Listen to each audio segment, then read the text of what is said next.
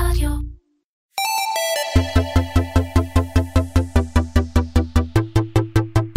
Commersation. מדברים על e-commerce עם תימור גורדון. והפעם, משה רדמן, מנכ"ל מיהי מרקט.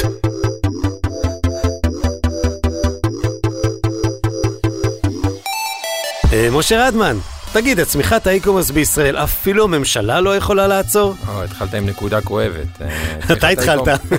צמיחת ה e-commerce בישראל דבר חיובי מאוד, הממשלה קצת פחות, בוא נגיד ככה. אנחנו תכף נגיע לעיסוק שלך בממשלה וב, ובפועלה, אבל אה, בוא נדבר רגע על הרקע שלך, שהוא שונה לגמרי מבין האנשים שהתארחו ב Commersation, הוא מאוד מעניין ומאוד מגוון. אז ככה, אתה למדת חשבונאות וכלכלה באוניברסיטת תל אביב, והגעת מעולם של הוראה עם הרבה שנים בפסיכומטרי, תרגול באוניברסיטה, ואז עשית איזה shift כזה בעלילה, הקמת סטארט-אפ אה, צרכנות לסטודנטים, שלימים הפך להיות iStudent, מוכר גם בשם iGroup. אה, הרפתקה לא קצרה של חמש שנים, שלאחריה בעצם יצאת להקים את מה שאתה מנהל היום, והיא Me Market. בנוסף לזה אתה בעל ואבא לשני ילדים. פעיל מאוד פוליטית, אני חייב להגיד את זה, וכבר רמזתי קודם. אחד, שאני מאוד אוהב את זה שאתה לא מהסס לבטא את הדעות שלך באופן נוקב, ובכלל אתה סוג של פובליציסט, גם של דיגיטל וגם של פוליטיקה. האם אתה מודה באשמות? מודה, מודה וגאה. אני שמח, ובואו באמת להתחלה, בואו נספר קצת מה Me Market עושה. טוב, אז אה, אני, זה מתחבר בדיוק למה שאמרת בהקשר של iGroup ו-iStudent. לפני שלוש שנים, כשסיימתי את תפקידי כמנכ"ל iGroup, הסתכלתי על השוק וניסיתי לנתח את הקשר בין צרכן לבין מותג בצורה טובה יותר. וזיהיתי שעולם השיווק עובר מהפכה, הוא הופך להיות הרבה הרבה יותר טכנולוגי. היום סמנכ"ל או סמנכ"לית שיווק ומנכ"לים ויזמים יושבים על החלטות ועל תקציבי ענק בכל מה שקשור לטכנולוגיה. בסוף סמנכ"לית שיווק בתנובה או בשטראוס או במיליון ואחד מותגים אחרים, צריכה לקבל החלטות במיליונים ולפעמים בעשרות מיליונים על מערכות שנים קדימה, על marketing automation, על דאטאבייסים, על data warehouse וכן הלאה, ו... וגם הרבה פעמים הם לא כל כך מבינים בדיוק, במערכות. ו- ו- ואין להם את הכלים. עכשיו, גם ה ecosystem לא תומך בהם. מצד אחד יש את משרדי הפרסום, שהם מאוד בפרסום ובשיווק, אבל הם לא בטכני. יש חברות פרויקטים שהן מוטות פרויקטים, ויש IT שהוא נשאר הרבה מאחורה. ונוצר ואקום, אה, והוואקום הזה מייצר הרבה פילים לבנים. ואני כמי שמאוד אוהב טכנולוגיה, ומאוד אוהב שיווק, הבנתי שזה בדיוק הנקודה שאני צריך להיות בה, וזה מה שאנחנו עושים ב Me Market.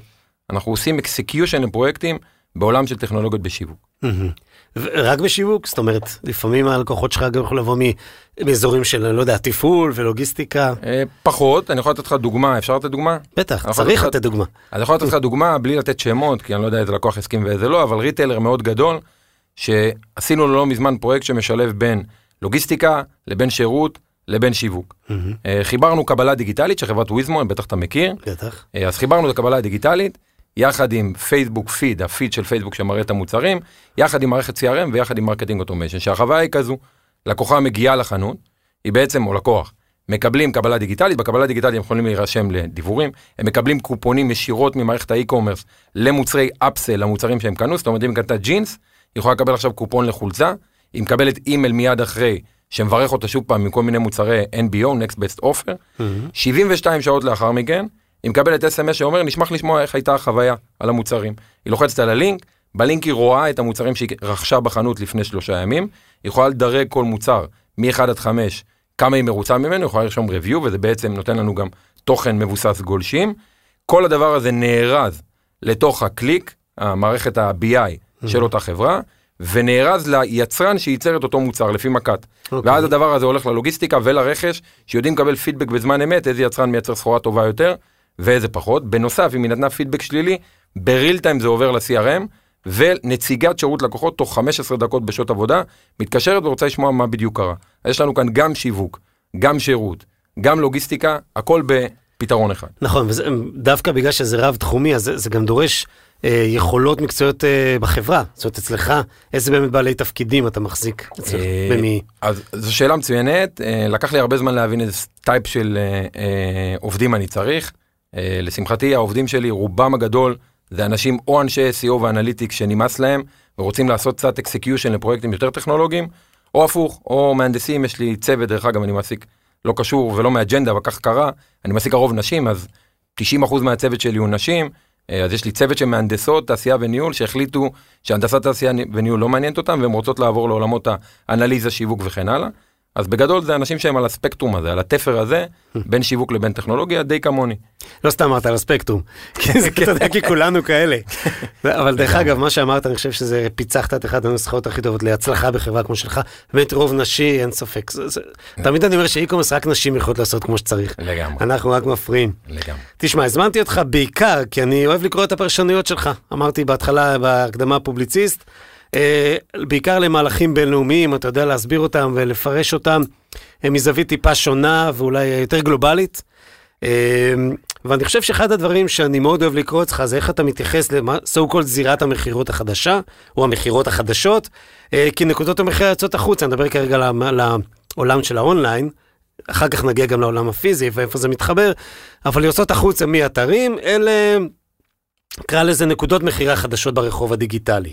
ושם אנשים נמצאים על הדרך, זאת אומרת, לא צריך להביא אותם, הם פשוט שם. אמ, מעניין אותי לשמוע באמת את ההתייחסות שלך, אנחנו גם נפרט, אבל נתחיל מהתייחסות קצת יותר כללית.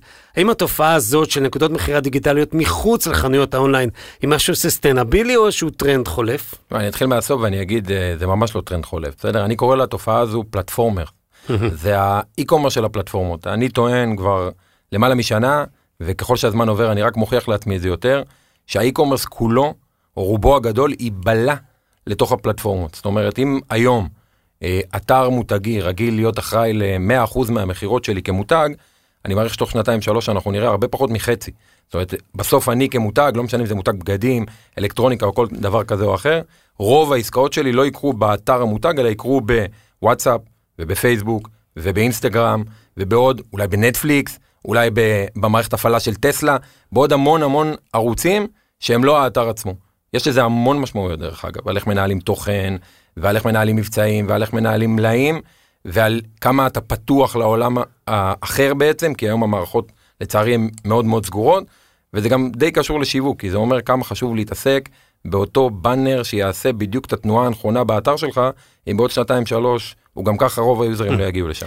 למרות שאתה, אני מניח שאתה לא טוען שצריך לסגור את חנויות המותג, אתה רק אומר שהפרופורציות יהיו שונות. כן, אני אומר שצריך להיערך לזה נכון, זאת אומרת זה לא, אני אפילו אה, מתריע לא להתמסר לאותם, אה, לאותן פלטפורמות, כי בסוף האינטרס שלהם והאינטרס שלכם הוא די הפוך.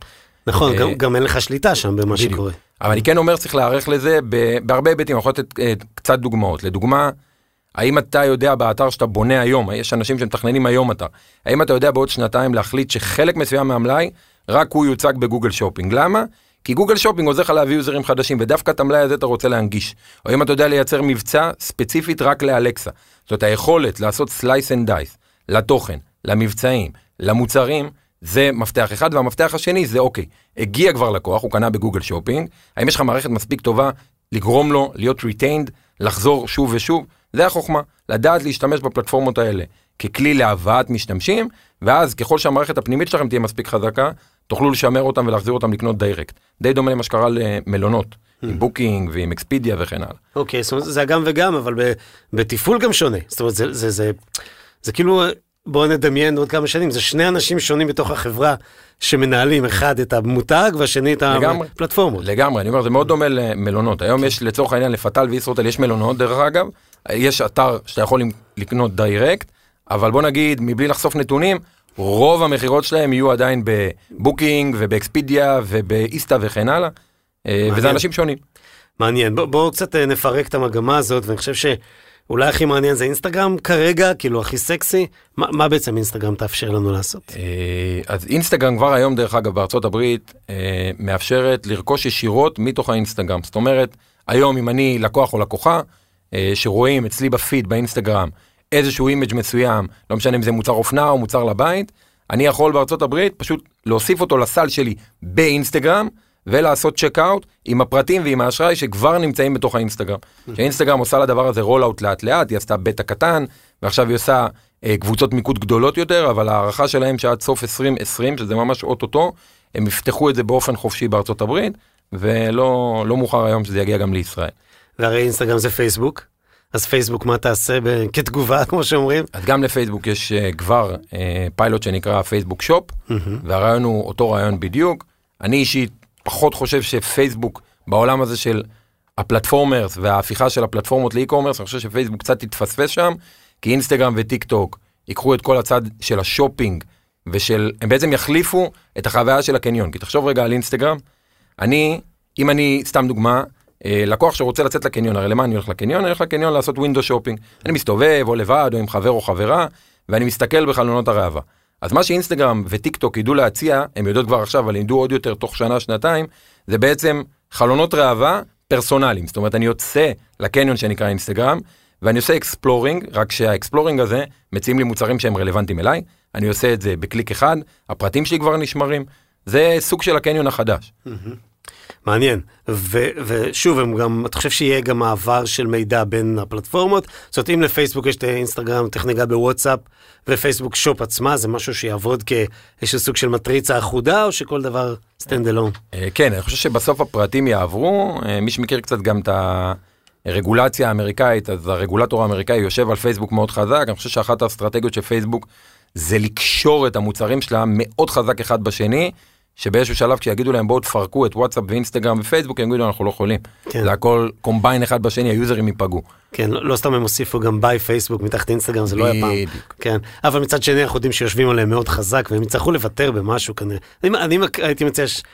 לדמיין שהם אה, מדמיין שהם יקריבו את וואטסאפ דווקא. שאולי היא טיפה שונה כן. גם, אתה יודע, הפוטנציאל שם. ואני חושב שבעיקר יגבילו אותם קדימה, זאת אומרת, אני mm. חושב שבעיקר את הפקמן הזה שנקרא פייסבוק ואמזון והגדולות האחרות פשוט יעצרו, יגידו להם stop ותתחילו לעשות מוניטיזציה למה שיש. בוא נדבר רגע על גוגל, כי גוגל לדעתי שם הפוטנציאל הכי גדול. אה, כן, אז גם גוגל קודם כל כבר נמצאים שם, אוקיי? בארץ אנחנו מקבלים הכל ב delay, אבל כן. כבר היום יש בארצות הברית כלי שנקרא buy on Google, אוקיי? שזה בעצם מה שאנחנו מכירים מהארץ של Google Shopping, כן. רק על סטרואידים, בדיוק אותו רעיון. אתה מחפש עכשיו שמלה בגוגל, או אתה מחפש עכשיו, אה, לא יודע מה, ארון או מדף, אתה תראה מוצרים לפי כל מיני ריטיילרים שונים, אתה יכול להסתכל על הפרטים של המוצר ולעשות checkout בגוגל מבלי לעבור בכלל לאתר של אותו קמעונאי. שזה מה, זה בעצם אה, סוג של iframe מתוך האתר? זאת אומרת, אני קונה מאתר או מגוגל? לא, אתה, אתה קונה מגוגל, mm-hmm. והכסף עובר אליך בדרך API של payment. כמו שהיום יש API של ה product, יש גם API של payment. אז זה מין mirroring בעצם של ה product. בדיוק, אז okay. היום אוקיי. הם עושים את זה בחינם בארצות הברית. אה, אחת הבעיות של חברות ה tech הגדולות שיש להם הרבה כסף והן יכולות ככה באמצעות הכסף למשוך אנשים כי בסוף אני כ retailer בארצות הברית שאומרים לי בוא קח בחינם אז אני לוקח אבל אז אני נהיה יותר תלוי ויותר תלוי ויותר תלוי. אני לא אתן דימויים אבל זה תלות לא כל כך טובה. כן. כן. תגיד מה יהיה בטיק טוק גם הרבה fuss and fuss. אז גם טיק טוק שם דרך אגב וגם הם עושים מה שנקרא shoppable ads הם כבר עושים את זה בארצות הברית אני חושב שעוד פעם אם הייתי צריך לחלק רגע לקבוצות אני חושב שאינסטגרם וטיק טוק. ייקחו את הצד של ה exploring ושל ה-research, אוקיי? בעצם זה יהיה השופינג החדש. אה, גוגל ויוטיוב ייקחו את הצד של החיפוש מוכוון, זאת אומרת שאני רוצה רהיט או שאני רוצה בגד, אני אלך ליוטיוב וגוגל והם ייקחו את הנתח הזה. אה, והנתח הנותר זה בעצם הרפטטיב, העסקאות החוזרות, ושם אני חושב דרך אגב שהעוזרות הקוליות ישחקו תפקיד מאוד משמעותי. ווואטסאפ שגם כן נכנסת לעולם של e-commerce, היא כבר קיבלה אישורים בברזיל ובהודו, אני חושב שוואטסאפ תהיה פה כלי מאוד חזק, זאת אומרת אם אני מכיר קמעונאי ואני קונה משהו רפטיטיבי, אין שום סיבה שאני לא אשלח לו בוואטסאפ, mm. שלח לי את המוצר, אני מאשר payment ונגמר העניין, כי בסוף הוואטסאפ הוא, הוא הכי נגיש מכולם. Mm-hmm. אמרת משהו מעניין בהקדמה, אה, זרקת נטפליקס. אה, כן, כן, ה platformers לדעתי לא ייעצר רק בפלטפורמות social אה, שאנחנו מכירים. אני חושב שבסוף גם מישהו כמו נטפליקס, דמיין רגע, לנטפליקס יש 200 מיליון subscriber, זה אומר בערך בין 500 ל-600 מיליון איש שיושבים על נטפליקס, יש להם אשראי שם, יש את כל הפרטים שלהם, הם עכשיו רואים סדרה, נניח, whatever, אמילי בפריז. Mm-hmm. אני יכול בקליק לפתוח expansion כזה למסך, לראות בדיוק מה היא לובשת, ופשוט לעשות checkout. Mm-hmm. איזה סיבה בעולם יש לו לעשות את זה? למה אני צריך לחפש בגוגל? אוקיי, ואתה חושב שהם בפיתוח של כזה? זאת אומרת, הם הכריזו על משהו? הם לא הכריזו, אבל אני קורא את אני רואה לאן המגמות שלהם הולכות. כרגע המטרה של נטפליקס היא פשוטה. אני חושב שהמנכ"ל גם אמר את זה לפני שלוש שנים, אה, הם מתחרים בשינה. הם רוצים שכל הזמן שלך שאתה לא ישן, אולי גם בעתיד שאתה כן תישן, אבל שאתה לא ישן, אתה תהיה בנטפליקס. אז הם מתחילים מהסדרות, הם ממש לפני שבועיים השיקו feature שהוא דומה לטיק טוק. זה בעצם וידאוים של חצי דקה דקה, שהם סנאפים מתוך סרטים. אז הם רוצים גם אוקיי. להשתלט על הזמן שלנו on the go. אני חושב שבעתיד, ברגע שהם יסיימו להשתלט לנו על כל הזמן של היום, הם ילכו גם לכומר. כן, כל הזמן שהעיניים שלנו עוד מתפקדות. לגמרי. אולי אילון מאסק ימציא גם צ'יפ שאנחנו תוך כדי נראה בינג'ים. אה, דיברנו על עסקים הגדולים, אנחנו עושים רגע הפסקה כדי לשמוע את הפינה שבה אנחנו מאפשרים לעסקים קטנים וחדשים להציג את המרכולתם, כמו שאומרים, אז בואו נקשיב ביחד. חדש על מדפי האיקום. אז מה קורה כשאישה בשיא חייה מתעוררת בוקר אחד ומגלה שהקריירה המכובדת והיציבה שלה בחברת תעופה גדולה התאיידה בן לילה? התשובה, תאמינו או לא, אביזרי מין. היי, אני קארין אטיאס, מייסדת ושותפה במיזם פיז.co.il, חנות אונליין המתמחה במוצרי בריאות אינטימית ואביזרי מין מעוצבים וחדשניים. המיזם נולד כתגובה יזמית לעובדה שמרכז חיי המקצועיים קרס לו פתאום בעקבות הקורונה. בשנים האחרונות ניהלתי קריירה מעניינת כמנהלת הפקה בחברת אל על, תפקיד דינמי ומאתגר. מן הסתם, כשהגיעה הקורונה במרץ, מצאתי את עצמי כמו יתר הקולגות שלי, מול שוקת שבורה. סיור מוחות אינטנסיבי הוביל ליציאה לדרך חדשה. עבורי זו הגשמת חלום. אני גאה להוביל מיזם שינגיש לנשים הישראליות ובני או בנות זוגן את העולם המרגש והחדשני של טכנולוגיות ומוצרים הקשורים למיניות בריאה. המטרה של המיזם היא לשבור סטיגמות הקשורות למיניות נשית וצריכה של מוצרים להנאה אינטימית. לא עוד פינה חשוכה עם קונוטציות סליזיות ומביכות, אלא עולם מואר, מעצים ומכבד. לסיכום, בפיז.co.il תמצאו מרחב אופטימי המשלב עולם תוכן מרתק ועשיר, עם מגוון מוצרים שיוסיפו מימד תחושני, שובבי ומענג לחיים שלכם. לפעמים מגיע זמן לקצת fun. תודה לטימור ו-e-conversation. חדש על מדפי האיקום. מעולה. אז עד עכשיו דיברנו קצת על העולם המערבי, הקל והקר, והמוכר גם in a way. בואו נעבור קצת לצד שני, מה קורה עם הסינים? מה קורה במזרח, הייתי שואל. אה, אז אה, אישית רגע אני אגיד דעה אישית אה, הסינים קצת מפחידים אותי זאת אומרת יש לי איזשהו חשש שהסינים השתלטו על העולם לא פחות זה לא פחות קרה? מתחבר אז זהו באי-קומרס זה לגמרי קורה אנחנו פחות מודעים כי התרבות שלנו היא יותר מערבית או so called מערבית אבל הסינים השתלטו על האי-קומרס אתן לך כמה מספרים בשביל לסבר את כן. האוזן. אה, יום הרווקים האחרון אלי אקספרס אלי בבא סליחה מכרו ביום אחד ב-74 מיליארד דולר רק בשביל פרופורציות זה יותר ממה שהאי-קומרס הישראלי ימכור ב-12 שנה הקרובות או 10 שנים הקרובות ביום אחד, וזה גם יותר ממה שאמזון מוכרת ברבעון. זאת אומרת, זה סקיילים מטורפים. מטורפים. יש שלוש חברות ענק אה, בסין, ששלושתן שחקניות אי-קומרס מטורפות, זה עליבאבא, זה JD, שהוא פחות מוכר בישראל אבל הוא מפלצת, וזה עוד אפליקציה שנקראת פין דודו, אוקיי, סלחו לי על הסינית הלא טובה, אבל פין דודו זה אפליקציה שאני ממליץ מאוד לעקוב אחריה, היא לא הקלאסי של אמזון ואלי ו-JD, זו אפליקציה שבעצם לקחה ויצרה גמיפיקציה לעולם של e-commerce. דרך uh, קופונים משתנים ופעילויות, ואומרים לך בוא תגיע לאפליקציה שבעה ימים רצ- רצוף, תעשה צ'ק אין, תקבל קופון. הם לקחו את הדבר הזה לאקסטרים, שדרך אגב זו מגמה שלדעתי האי-קומרס ילך לשם. זאת אומרת, יתחיל להיות משעמם באיזשהו שלב, וברגע שיתחיל להיות משעמם נצטרך להוס- להוסיף... זה חוויה. מאוד יפנית, דרך אגב, בתרבות שלה. נכון, כן, אה, אבל הם, אבל הם להיט בארצות הברית דרך אגב. כן, כן. 40% מהיוזרים שלהם בארצות כן. הברית, חברה מונפקת בנסדק, אה, אז לגמרי, הסינים לגמרי על האי-קומרס, דרך אגב, אם אני שם את אמזון בצד, כל השחקניות הבאות בתור, אלי, JD, פינדודו, שין, כולם הם חברות ענק של מאות מיליוני דולרים, מאות מיליארדי דולרים, סליחה. והם לדעתך ייכנסו גם למשחק הזה של ה... אה, מה שאתה קורא הפלטפורמות, אה, איך קרא? פלטפורמרים? platformers. כן, כן, platformers? לגמרי, הם כבר שם אוקיי. דרך אגב, אלי, אוקיי. אה, אוקיי. אפליקציית וויצ'אט ואלי פיי וכן הלאה, הם מחוברת להכל, זאת אומרת, הם ב-DNA שלהם, הם בונים את המערכות שלהם הרבה יותר חיבוריות. מה שיפגע מאוד במי שהוא לא, אמזון אני שם בצד כי היא באמת איזה... תכף נגיע לאמזון, כן. דרך אגב, אמרת וויצ'ט, אבל טנסנט היא חלק מהמשטר הסיני. נכון. אמרת שאתה מפחד מהמשטר הסיני. נכון. אז החברות האלה, אם אתה לא חבר מפלגה, נכון שעכשיו אה, חבר שלנו קיבל איזה עונש קטן עם ההנפקה של אנט, אבל זה, אתה יודע, זה רק לפנים ולחוץ, סך הכל הם מתפקדים תחת המשטר הסיני, ולכן כל הפעילות הזאת היא... היא זה, זה, מי- בדיוק, זה כן. בדיוק הפחד, זה בדיוק הפחד. בסוף המשטר הסיני הוא משטר מפחיד, והחברות האלה בדרך כזו או אחרת נשלטות, הנה Tencent כדוגמה, היא אחת הבעלים של שין. אף אחד לא יודע את זה, אבל אחת הבעלים של שין. ושל טיק טוק, ובסוף הכל מתחבר להכל שמגיע לקצה, למפלגה. תראה שזה הדבר היחיד שאתה מסכים עם טראמפ. לגמרי, נכון? נכון, זה דווקא. שמחתי בסיפור עם טיק טוק. אבל לכאן הם נכנסים חופשי. נכון, כן. פה הדלתות פתוחות. אה, אין חומות סיניות מול הסינים. לגמרי, לצערי. אנחנו לא מצליחים לנהל את הדברים שלנו, בטח לא לשים לב אליהם. נגעת במפלצות של הצד השני, במונסטרים, אמזון, אי-ביי. איפה הם במשחק של הפלטפורמה? הם גם ישחררו החוצה משהו? אה, אמזון לדעתי לא, כי זה נגד האג'נדה שלה, בסוף היא רוצה לשמור דאטה כדי ללמוד התנהגות, כדי לייצר private לייבלים. לא, אלא אם כן זה שלה, היא מקימה חברה שהיא אה, כזאת. כן, אז, אמזון מדיה לדעתי, אה, בנקודה לא רחוקה על ציר הזמן, אנחנו כן נראה אותה מציעה דברים שהם דברים שמאפשרים מכירה, אלכסה מן הסתם כבר תומכת בזה, זאת אומרת לאמזון יהיה את ה eco system הקטן שלה, אבל הוא יהפוך להיות קטן, וזה החלק החשוב, זאת אומרת אם אני מסתכל חמש שנים קדימה, ה market share של אמזון מתוך האי-קומרס העולמי לא יישמר אפילו לא קרוב, זאת אומרת, אה, זה שפתאום גוגל ייכנסו ואינסטגרם זה, זה סקיילים אדירים, זה כמויות יוזרים שאפילו אמזון לא תצליח להתחרות. לא סתם הם גם נכנסים, אתה יודע, תופסים פוזיציה על הפרסום. נכון? יודע, כי- כי זה הקונטרה שהם הם חברת מכינים. הפרסום השלישית בגודלה בעולם בסוף, אחרי גוגל ופייסבוק, זה מטורף. ומה קורה עם אי-ביי לדעתך? אי-ביי זה קצת אחר. זה- אה, אני לא, אני לא רואה אותם אה, כי הפלטפורמה לא נחלשת, אתה יודע, היא אולי יותר סטגנטית יחסית בצמיחה. סטגנטית ביחס לצמיחה כן, של האיקום. נכון, נכון. אטסי אבל עושים עבודה יפה דרך אגב, וגדלו מאוד בזמן האחרון, אבל גם, אני לא, אני לא רואה לצערי הרב דרך אגב, למעט אולי וולמרט וטארגט שהן מאוד ממוקדות אה, domestic אמריקאי, אני לא רואה שחקן שיכול להתחרות במפלצות הסיניות ברמה העולמית למעט אמזון.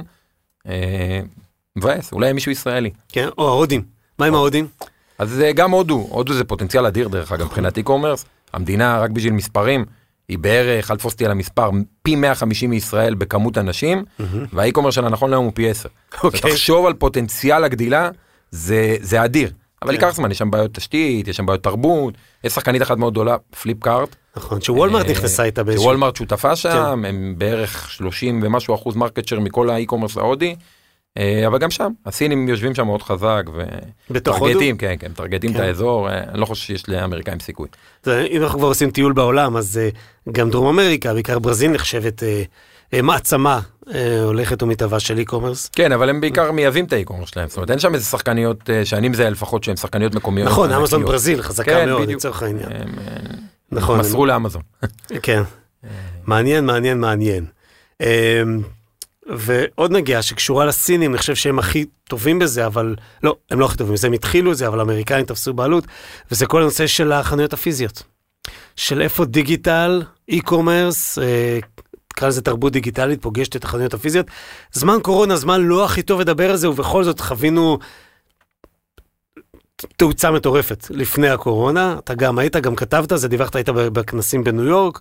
בוא תן לנו את החמישה חמישה סנט שלך על התופעה הזאת. אז אומני צ'אנל, אה, אני חושב שהקורונה גרמה למצב, או האיצה מצב, שהאומני צ'אנל יוצא מהמצגות לתכלס. זאת אומרת, הרבה שנים אנחנו רואים בכנסים אה, דיבורים על אומני צ'אנל, והלכה למעשה, אני חושב שחברות הבינו שהחנויות צריכות להשתנות. עכשיו, הם לא ייעלמו, כל האפוקליפסה של, בסוף חנות פיזית, אני לא רואה אותה נעלמת, פשוט רואה אותה משנה ייעוד ממקום שהוא היה מקום המפגש היחיד בין מותג לבין צרכן, החנות תהפוך להיות מקום שהוא חלק מהמסע, שהוא יהיה לשירות, הוא יהיה להתייעצות מקצועית, הוא יהיה לחוויה. תשמע עוד פעם, אני הולך לסין רגע, אתה תראה לדוגמה הסופרים של עליבאבא, לא יודע אם אתה מכיר, זה דבר מטורף, זו חוויה מטורפת, אתה יכול לדוג דגים ולקחת אותם הביתה, אתה יכול להתייעץ עם שפים, זה כאילו הפך את הדבר הזה לחוויה שהאינטרנט לא ידע לתת אותה. אה, ואני חושב שלשם זה ילך, העולם הזה של אה, אומני צ'אנל, אה, חנות שמשרתת לצורכי חוויה, שירות וידע, ואי-קומרס שהוא פונקציונלי לגמרי. אה, בעצם זה התהפך. הרי בהתחלה, כשקראו לזה עוד. אינטרנט, היית רואה באינטרנט והולך לקנות בחנות. זה ה window shopping המתהפכים. אז בדיוק הפוך, עכשיו אתה כן. תלך לגעת בחנות ואתה תקנה באינטרנט. כן, ועדיין יש, ויש את האלמנט של מדידות, ויש את האלמנט של, זאת engagement מאוד מאוד חזק, שהוא בעצם אולי מפצה על מה שאחר כך לא קורה ברמה הרגשית כשאתה באונליין. זאת אומרת, כשאתה הולך לאתר אתה תהיה יותר פונקציונלי, נכון? כי התרגשת בחנות או ב showroom כזה ואחר? על אחת כמה וכמה, תחשוב שאם אנחנו מחברים את זה רגע לשיח על ה platformers, יותר Mm. מזה, אם היית בחנות, אתה אולי תחפש את השולחן שהרגע ראית בחנות ולא סתם שולחן, ואז אני כריטיילר, יהיה לי סיכוי לעלות בתוצאות של גוגל, ושאתה תקנה בגוגל את המוצר שלי. זאת אומרת, בסוף יש אינטרס מאוד חזק לחזק את המודעות הזאת למותג, כי אחרת פשוט בכל הפלטפורמות אתה לא תימצא, אתה פשוט לא תהיה שם, לא משנה כמה תשלם דרך אגב. כשעשית את הסיור בניו יורק לפני שנה, יש איזה מותג או חברה שהרשימה אותך במיוחד? אה, כן, כן, אה, ניו יורק מאוד מתקדמת דרך אגב ב- בעולם של אומני צ'אנל, אה, אני חושב שבכמה וכמה מותגים שאתה רואה נניח את הקופות של שופיפיי, שהן קופות מדהימות, פתאום אתה רואה חנות בלי קו קופה, בלי קו קופה. אני מדבר עם מוכר, הוא מוציא מה- מהכיס אה, קופ, קופה וירטואלית שבעצם אה, איזשהו אה, פוסט. קטן כזה. כן. והוא סולק אותי, ואני לא צריך לעמוד בתור, כל היחס הוא הרבה יותר אישי, כי אין איזה מעמד כזה מחייב. אה, חוויה מאוד מאוד טובה, אנטאקית היא דוגמה מצוינת לזה, גלוסי היא דוגמה מצוינת לזה, בונובוס, יש, יש לא מעט. אה, לצערי השנה אני לא אלך ל... קספר היית? כן, בטח, מה, קספר גם ספר, חוויה. תן- תן מילה על קספר. אה, קוראים על זה, לא שומעים על זה. אז כן. קספר, קודם כל אני, באופן, אני ממליץ דרך אגב למי שיכול להרשות לעצמו, אני פעם בשנה בינואר נוסע לט, לטיול אינוביישן של שבועיים בארצות הברית, שנה מערבי, שנה מזרחי, כל השנה אני אוסף את כל הדברים מהחדשות ופשוט הולך לראות ולעשות תצפיות בשטח סופר מגניב. אה, אז קספר כדוגמה, אתה רואה, מה שהכי אה, שימח אותי בקספר זה שני דברים, אחד ליד החנות, יש מקום שאתה יכול ללכת לישון, על מזרנים של קספר. אתה אוקיי. משלם עשרה דולר ואתה מקבל חצי שעה שינה עם חלוק ועם איזשהו בקבוק שמפניה סופר מגניב. אה, זה דבר אחד. והדבר השני זה המוכרים. אתה בסוף מדבר עם מוכר בחנות מזרנים שעשה לי דוקטורט על איך בנוי מזרון.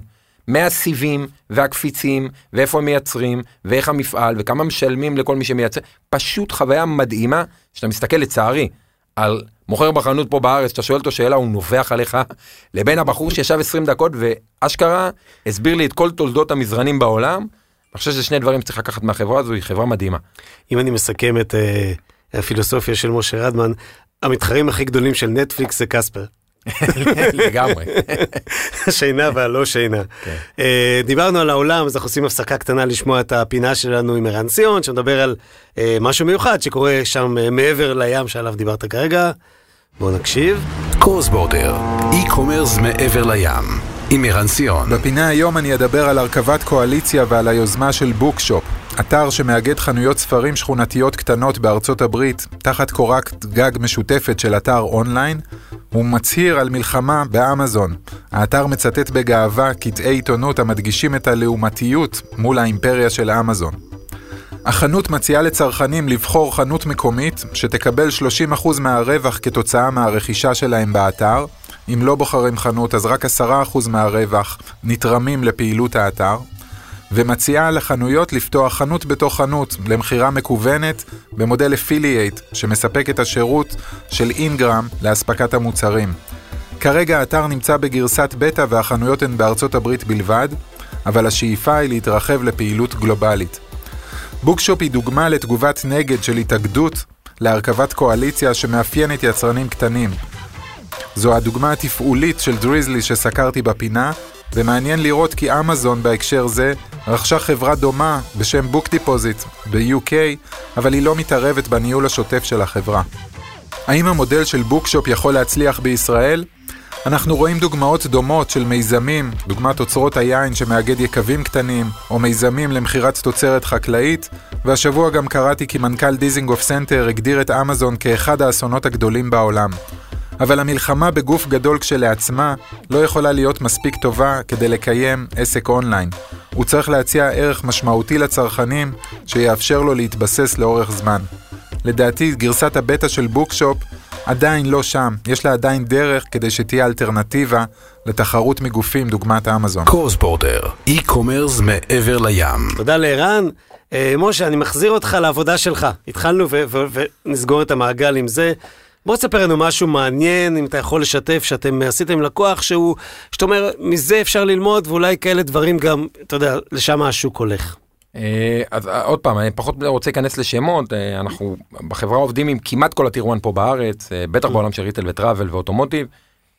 הדוגמה שנתתי מקודם, בהקשר של חיבור בין לוגיסטיקה לבין שיווק, לבין מכר, לבין AI והמלצות ואי-קומרס, אני חושב שזה המקום שצריך ללכת אליו, וזה המקום שאנחנו מנסים. לדוגמה, retailer, אה, ריהוט מאוד גדול, שלא מזמן חיברנו את הקופות שלו, אין לו e-commerce, אבל את הקופות לפייסבוק, בצורה אהה. כזו, דרך וויזמו דרך אגב, בשימוש ב, ביכולת שלהם, שאני היום יכול באותו retailer לדעת שעשרת אלפים דולר ששמתי בפייסבוק, הביאו לי X כסף בקופת המכירה. עכשיו אם יש לו e-commerce תחשבו שאנחנו יודעים לעשות גם וגם. זאת אומרת פתאום אתה מסתכל לא על ROAS אה, e-commerce י אלא על ROAS משוקלל. כמה כסף הדבר הזה הביא באונליין, כמה כסף הדבר הזה הביא באופליין, ואז להחליט בצורה הרבה יותר מושכלת מה, מה, האם הקמפיין הזה משתלם לי או לא משתלם לי. נשמע מעולה, והבטחתי לך שאני לא, איך אומרים, לא אה, אדלג על הנושא הבא, בוא ניגע קצת בפוליטיקה. אז אפשר לדבר על זה פודקאסט שלם, אני יודע. אולי נחבר אותך לרביב דרוקר או מישהו כזה. אבל בכל זאת, בוא, מה, מה, מה נהיה כאן? לאן זה הולך? תשמע, זה, זה הדבר הכי עצוב לי, בסדר? סך הכל אני, אני רואה את עצמי כבן אדם מאוד מאושר ושבע רצון מהחיים, אבל מה שקורה פה במדינה, בעיניי לפחות, זה קורע לב, פשוט מחמיר לב. אני מקדיש לזה שעות על גבי שעות, בהפגנות, בתרומות, בכתיבה, בגיוס, בכמעט כל דבר שאני יכול. אני, לא רוצה להיכנס רגע לביבי לא ביבי, בסדר? אני שם בצד, אני מכבד את הצופים, אה, או מאזינים, סליחה. אה, אני רק אתן דוגמה למה קורה פה במדינה, ושכל אחד יעשה לעצמו את הנגזרות. אה, לפני שבועיים, טראמפ, נשיא מטריד מינית, אלים, זלזלן, אדם שאין לו שום מוסר בשום צורה פחות או יותר, הפסיד בבחירות. אני שמחתי, אבל 78% מהציבור הישראלי התבאס. אני חושב שזה אומר הכל, משהו נדפק פה לגמרי. אנחנו מדברים על תוצאות, כשאתה מדבר עם בן אדם, הוא אומר לך, טראמפ הכיר בירושלים, מה זה קשור? אבל הבן אדם הוא לא בן אדם. זאת אומרת, אנחנו כל הזמן מדברים על הביא שלום, הביא חיסון, הכיר בגולן, אנחנו לא מדברים על הדרך, על המהות, על איך האנשים האלה מתנהגים כדי להגיע לאותם יעדים, ואותי אישית זה, זה אוכל. אני משתדל גם לערב את הילדים שלי למרות שהם קטנים, הם מגיעים להפגנות, התנדבתי עם הבן שלי בבחירות, בכל הבחירות האחרונות, שהוא ילד בן 6, הוא נדהם ממה שהוא ראה מסביבו, דרך אגב. זה, זה חינוך מצוין, זה טוב מאוד. אה, אני מקווה שיהיה פה טוב יותר, אין, אני, אני לא מתכוון לוותר, אישית אני אה, לא הוצאתי דרכון גם אה, מתוך אג'נדה, מקווה שאני לא אצטרך להוציא. זה שילדים שלי שואלים אותי אם יש, אה, אה, אם זה ימין נגד שמאל, אני אומר שזה כבר מזמן לא שם, זה לאומניזם מול הומניזם, זה הסיפור. כאילו, מה, האדם חשוב או הסמלים חשובים? בדיוק. וזה, בסוף. זה- אין שמאל פה, אין גם כל כך עם מי. זה גם לא רלוונטי, כן. זה- ממש לא רלוונטי. בסוף מה שמעניין זה שיח של ערכים שלדעתי אנחנו מפסידים בו בענק. כן, נכון, אבל בוא נשאר אופטימיים כמו כן. שאומרים. ומפה אני לוקח אותך לשאלון אסוציאציות, לפלאש קומרסיישן. אני זורק לך מושגים ואתה נותן בראש כמו שאומרים. בוא נתחיל. אמזון, אני חושב שהמונח הכי טוב זה כבדהו וחשדהו. מצד אחד הם עושים עבודה מדהימה, מצד שני הם חתיכת לא מוסריים, אין דברים כאלה, מה שהם עושים למותגים ואיך הם אוספים דאטה ואז מתחרים, זה, זה חייב להיעצר הדבר הזה, ולדעתי ולשמחתי, אני חושב שיעצרו את זה בקרוב מאוד המחוקק האמריקאי. לצידה, וולמארט. אה, ישן חדש מאוד, ככה הייתי קורא להם. זאת אומרת, הם עושים עבודה מאוד יפה בשנתיים, שלוש האחרונות. אה, זו חברה שהייתה על הקרשים, מי שמכיר, בתחילת שנות האלפיים החברה הייתה במצב לא טוב, אה, והם לגמרי ממציאים את עצמם מחדש, חדשנות, e-commerce, שווה לעקוב. נושא שקרוב אליך, digital payments. אני אתן לך מספר, בסדר? זו התשובה שלי. Ant Group, דיברת עליהם מקודם. זה החברה האם של אליפיי, הייתה אמורה להיות מונפקת, וכשפשפשתי קצת בדוחות שלהם לפני שהם אה, הונפקו, ראיתי שהמחזור השנתי שלהם של digital payment הוא 50 טריליארד דולר בשנה. אה, זה אומר הכל, ה digital payment... כמה אפסים זה המון. זה, זה חמ- 50 אלף מיליארד דולר אוקיי, בשנה. אז זה לגבי digital payments. בוא נדבר, אה, זה נוסטלגיה, iGroup. אה, התאהבות, שם התאהבתי לראשונה בשיווק ובטכנולוגיה. אני שמח להגיד שפגשתי אותך שם, לגמרי. כזכור. טרנספורמציה דיגיטלית, הגיע הזמן להפוך את זה, אמרתי, ממצגת לתכלס, אני שמח מאוד לראות מותגים סופר שמרניים, ששנים אה, ניסיתי לדפוק שם דלתות ולשכנע, שהיום לגמרי מבינים שזה חייב לקרות. אני חושב שאנחנו נראה בשנה הקרובה, כשהקורונה אה, בקרוב, אני מקווה. תיעלם, אנחנו נראה אה, גל של חדשנות בהקשר הזה. שיקגו. אה, אני מת על שיקגו, אה, אפילו יש לי עובד במשרה חלקית בשיקגו, אה, שמה שהוא עושה זה בעצם עוזר לנו להבין טוב יותר את החדשנות בארצות הברית. כשאני רואה אתר מעניין הוא מזמין לארצות הברית, כשאני צריך. שהוא יעשה לי צילומים אז הוא מצלם, כשאני צריך שהוא ייכנס לחנות ויצלם הוא מצלם לי, סופר נחמד, ממליץ בחום. כמו האיש אה, מוסד שלך, לגמרי, הוא סוכן שלנו ב- סוכן. בגולה. CRO, אה, אני חושב שלי יש מושג חדש שאני כל הזמן מטמיע לעובדים שלי, אני קורא לו ERO. אוקיי. ה-CRO מדבר על conversion rate optimization, אני חושב שאנחנו היום בעידן, שאנחנו צריכים לדבר על engagement rate optimization, זאת אומרת, על איך אנחנו משפרים ועושים אופטימיזציה ל engagement בפרסום, באתר עצמו וב engagement אחר כך. מגניב. ולסיום, איפה משה רדמן, איפה אתה רואה את עצמך בעוד אה, נגיד עשר שנים? אה, שאלה טובה, אני אוהב לחדש כל הזמן, אני חושב שאני מקווה שאני אהיה במקום שאני אוכל לשלב בין אה, שלוש אהבות, בין עשייה, בין ליווי אחרים לעשות, כי אני מאוד אוהב את הדבר הזה, ובין הוראה. איפשהו קומבינציה בין שלושתם נראה לי הדבר המושלם מבחינתי. אני, כמי ש, שהקשיב לחצי שעה הזאת, אה, הבין שהוראה זה אחד החלקים המאוד משמעותיים בדרך שבה אתה אה, פועל, עושה, מלמד, מתנהג, מלמד. זה נשמע נפלא. תכף אני אחזור להגיד לך תודה, לפני זה קצת תודות. אה, לחברת אדיו, שהיא נציגת ספוטיפיי בישראל, ובכלל אם אתם רוצים אה, שיהיה לכם פודקאסט משלכם, או לקנות פרסומות בפודקאסט, פשוט תפנו לאדיו, אם אתם לא יודעים איך תשאלו אותי. לאלי אלון busy, האיש העסוק, שתמיד עוזר לקומרסיישן להיות איפשהו. ובחזרה לך, תודה משה רדמן שבאת ושיתפת אותנו באין ספור תובנות, אני יודע, היינו יכולים לעשות את זה גם שעה ושעתיים ושלוש, אבל זה אומר שאולי ניפגש עוד כמה פעמים. אז תודה לך, תודה, תודה טימו. ולהתראות בקומרסיישן הבא. קומרסיישן עם תימור גורדון